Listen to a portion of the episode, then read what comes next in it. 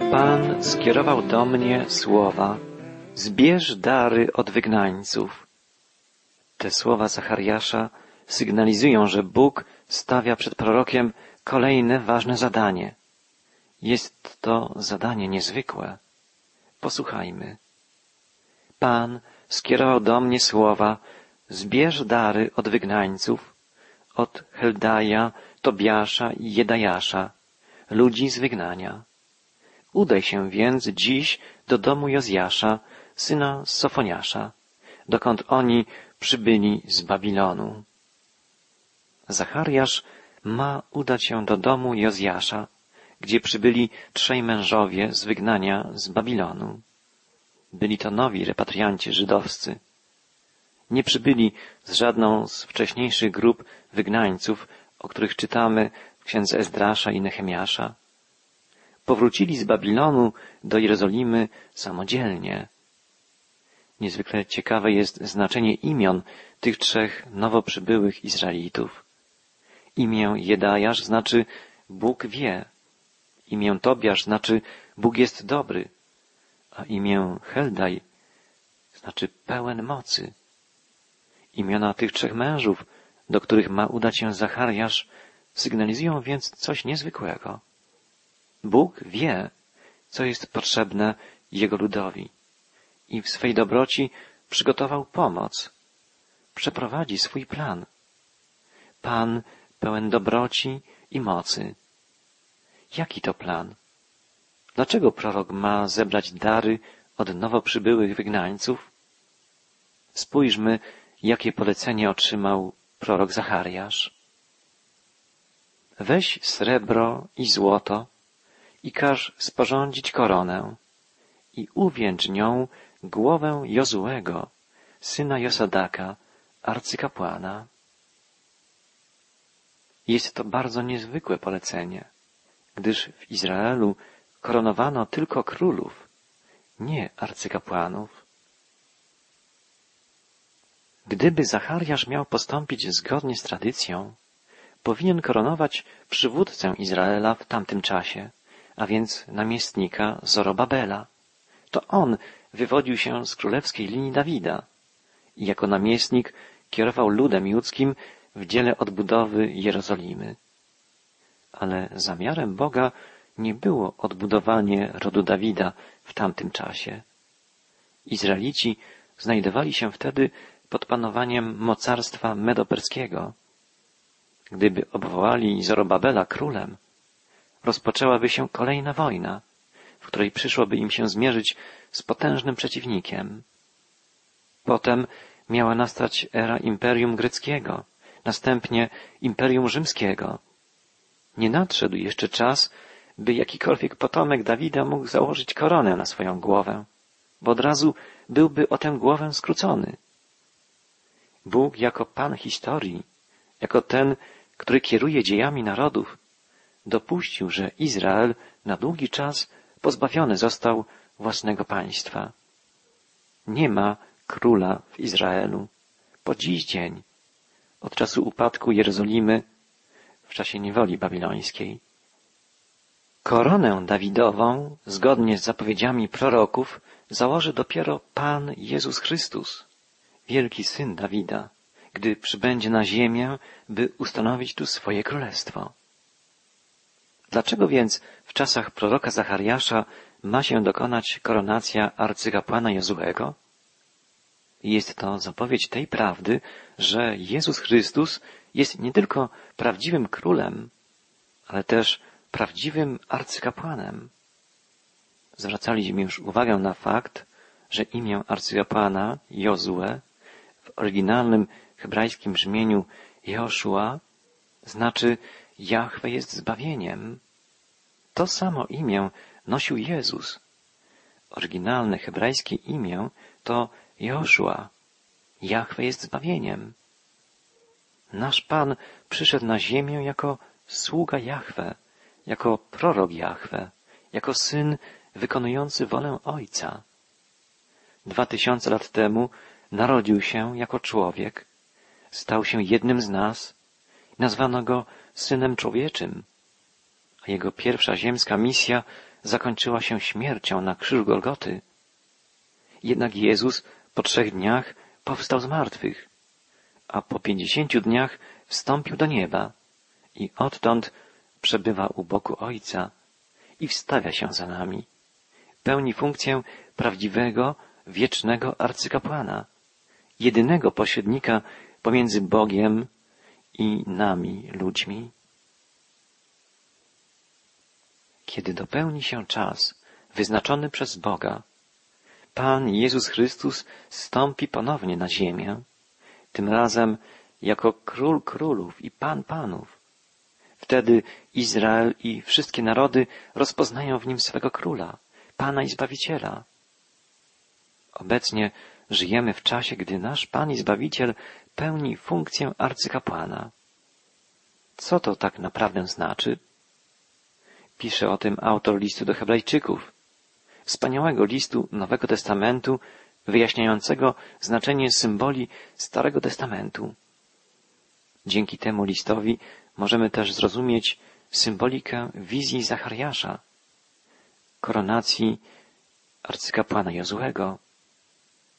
Wiele miejsca poświęca autor listu do Hebrajczyków sprawie arcykapłańskiej posługi Pana Jezusa Chrystusa. Znajduje się tu niejako definicja funkcji kapłana.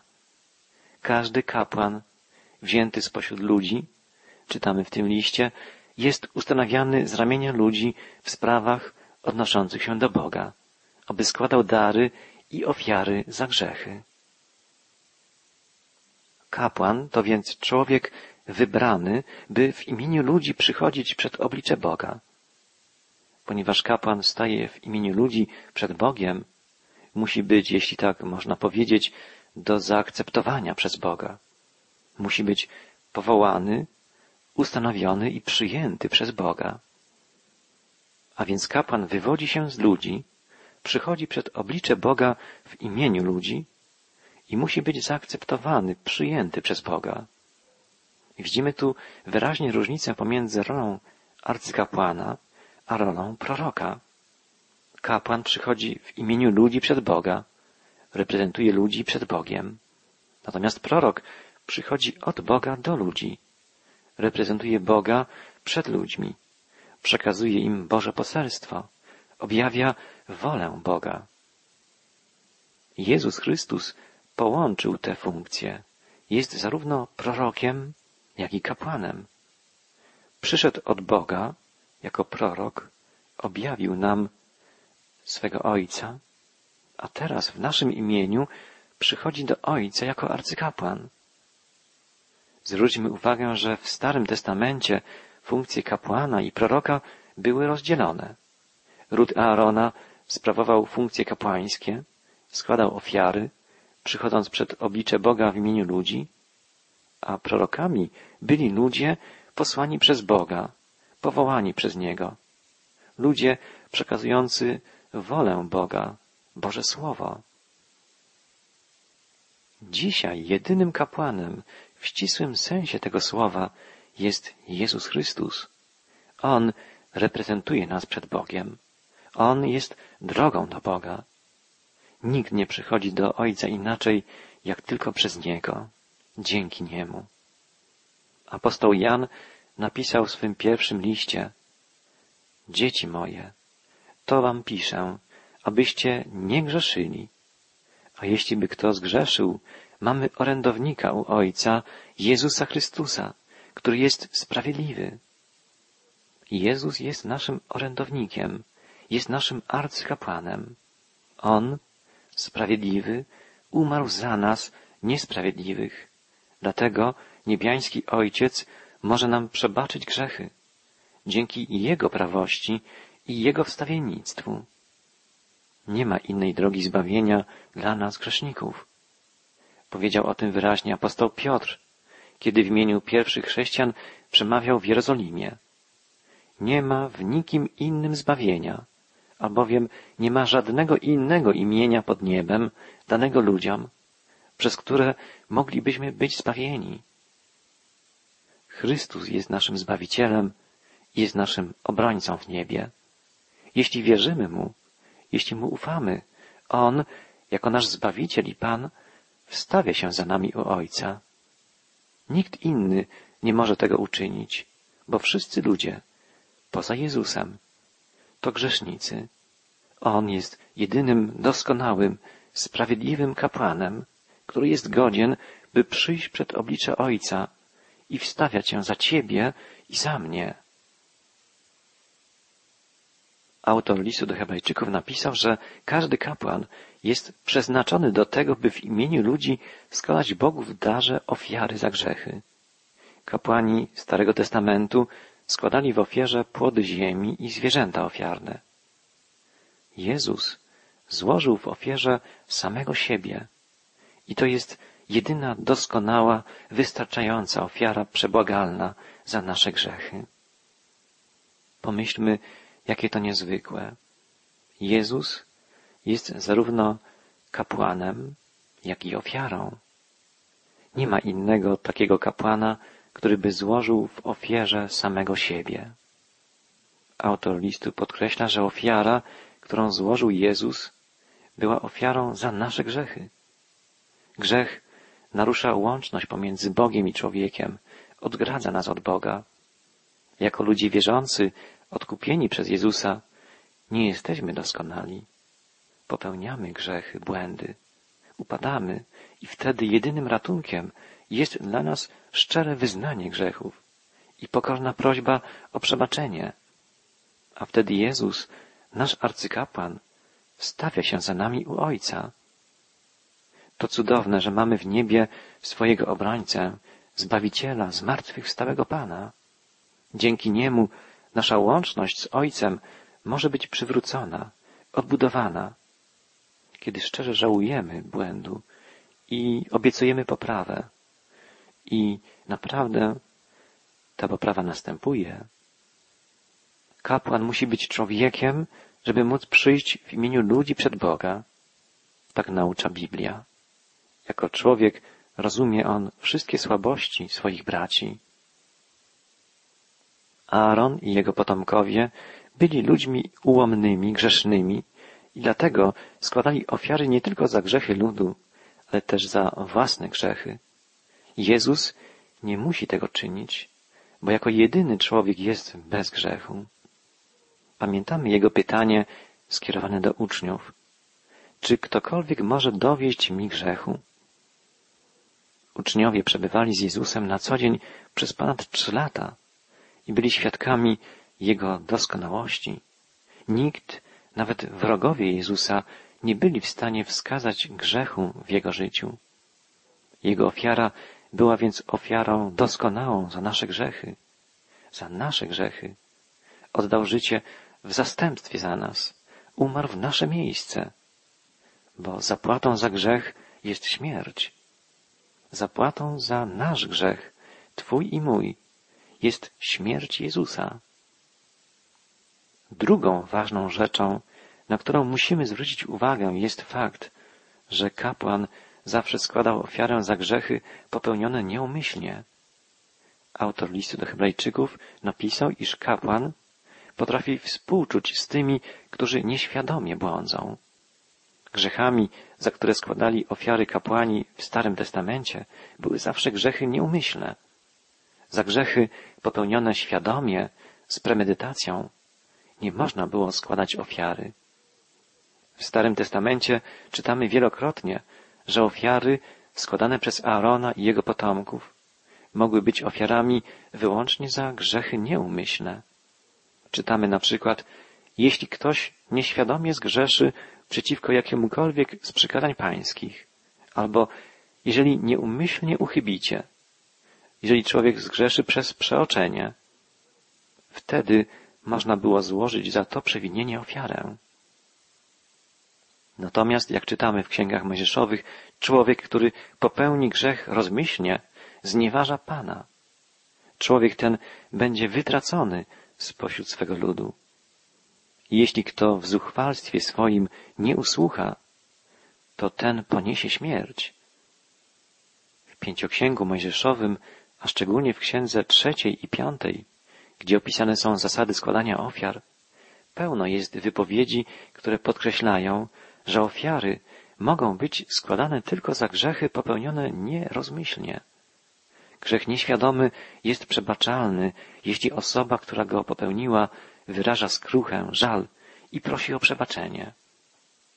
Natomiast grzech popełniony świadomie, z zimną krwią, z premedytacją, grzech, po popełnieniu którego nie ma objawów skruchy, nie podlega przebaczeniu.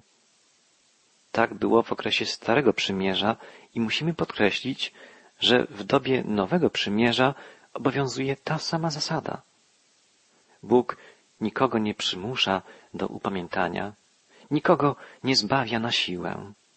Nie ma działającej automatycznie taniej łaski, która by obejmowała całą ludzkość. Owszem, Chrystus umarł za grzechy całego świata, ale przebaczenie, ułaskawienie nie obejmuje automatycznie wszystkich. Jedynie tych, którzy w Niego uwierzyli, którzy Go przyjęli jako Zbawiciela i Pana. Tym, którzy Go przyjęli, podkreśla apostoł Jan, dał prawo stać się dziećmi Bożymi. Jako Boże dzieci musimy również w naszym życiu na co dzień pamiętać, iż wszelkie grzechy, błędy, jakie popełniamy, musimy szczerze wyznawać Bogu i prosić Go o przebaczenie. W przeciwnym razie nie będzie mógł postępować proces naszego oczyszczania, uświęcania. Jezus, jako doskonały arcykapłan, otwiera nam drogę do Ojca. Jednak to my musimy tej drogi szczerze pragnąć i okazywać pokorę, skruchę, żeby dotknąć nas mogła Boża łaska, Boże przebaczenie i oczyszczenie. Następną cudowną prawdą dotyczącą służby kapłańskiej Jezusa jest to, iż Jezus jest w stanie w pełni wczuć się w nasze położenie. Chrystus, najdostojniejszy i prawdziwie święty arcykapłan, który jest synem Boga, w pełni współczuje ze słabościami ludzkimi, ponieważ sam, jako człowiek, był doświadczany, tak jak my wszyscy. Wie, czym jest pokusa, ponieważ sam był kuszony, doznawał prześladowań, przeżywał udrękę opuszczenia, cierpiał za nas i to doświadczając cierpień zarówno ciała, jak i duszy. Chrystus może współczuć z tymi, którzy błądzą, zapewnia nas Biblia. To zapewnienie w oryginalnym brzmieniu ma jeszcze większą wymowę. Greckie słowo, przetłumaczone tu jako współczucie, oznacza coś głębszego.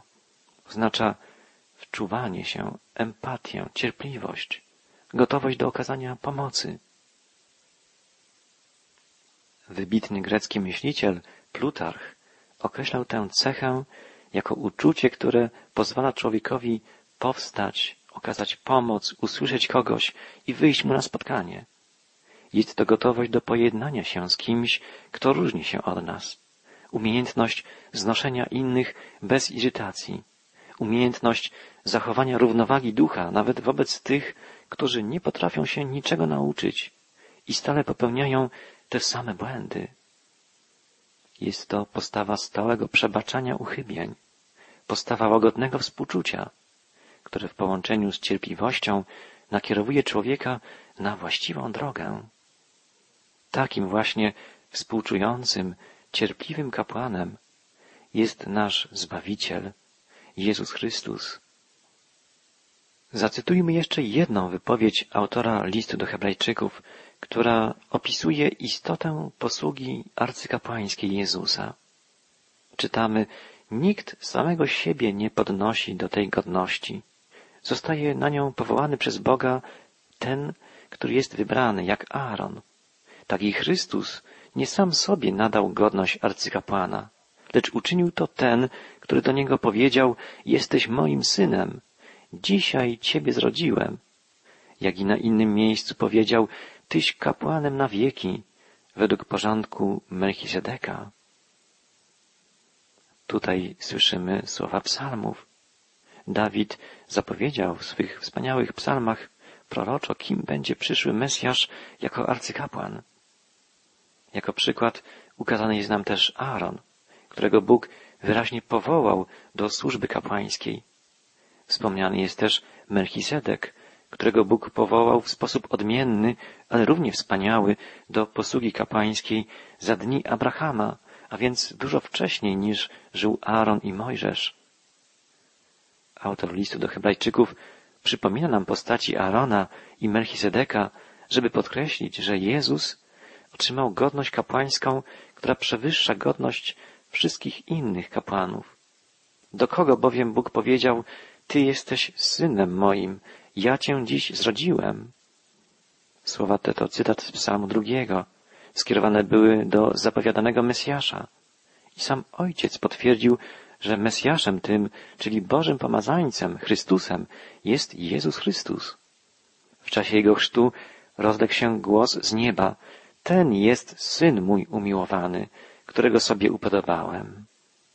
Na górze przemienienia, gdzie Jezus rozmawiał z Eliaszem i Mojżeszem, uczniowie usłyszeli jeszcze ten sam głos, który mówił, oto Syn mój umiłowany, Jego słuchajcie.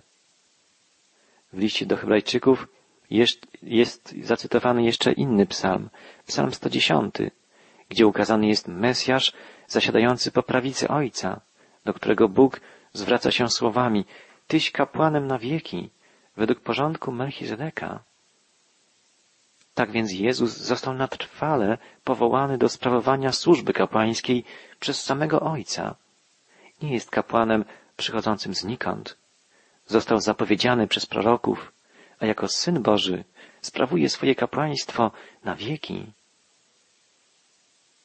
Jedną z takich ważnych zapowiedzi prorockich jest właśnie obraz koronacji arcykapłana wrysowany przez Zachariasza. Prorok otrzymał polecenie.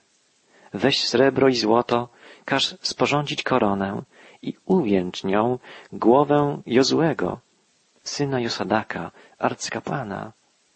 A potem Zachariasz usłyszał jeszcze jedno polecenie. Powiedz mu tak, tak mówi Pan zastępów. Przyjdzie mąż, a imię jego odrośl. Na miejscu swoim wyrośnie i zbuduje świątynię pańską. Nie ma żadnych wątpliwości, że chodzi tu o Mesjasza, Chrystusa.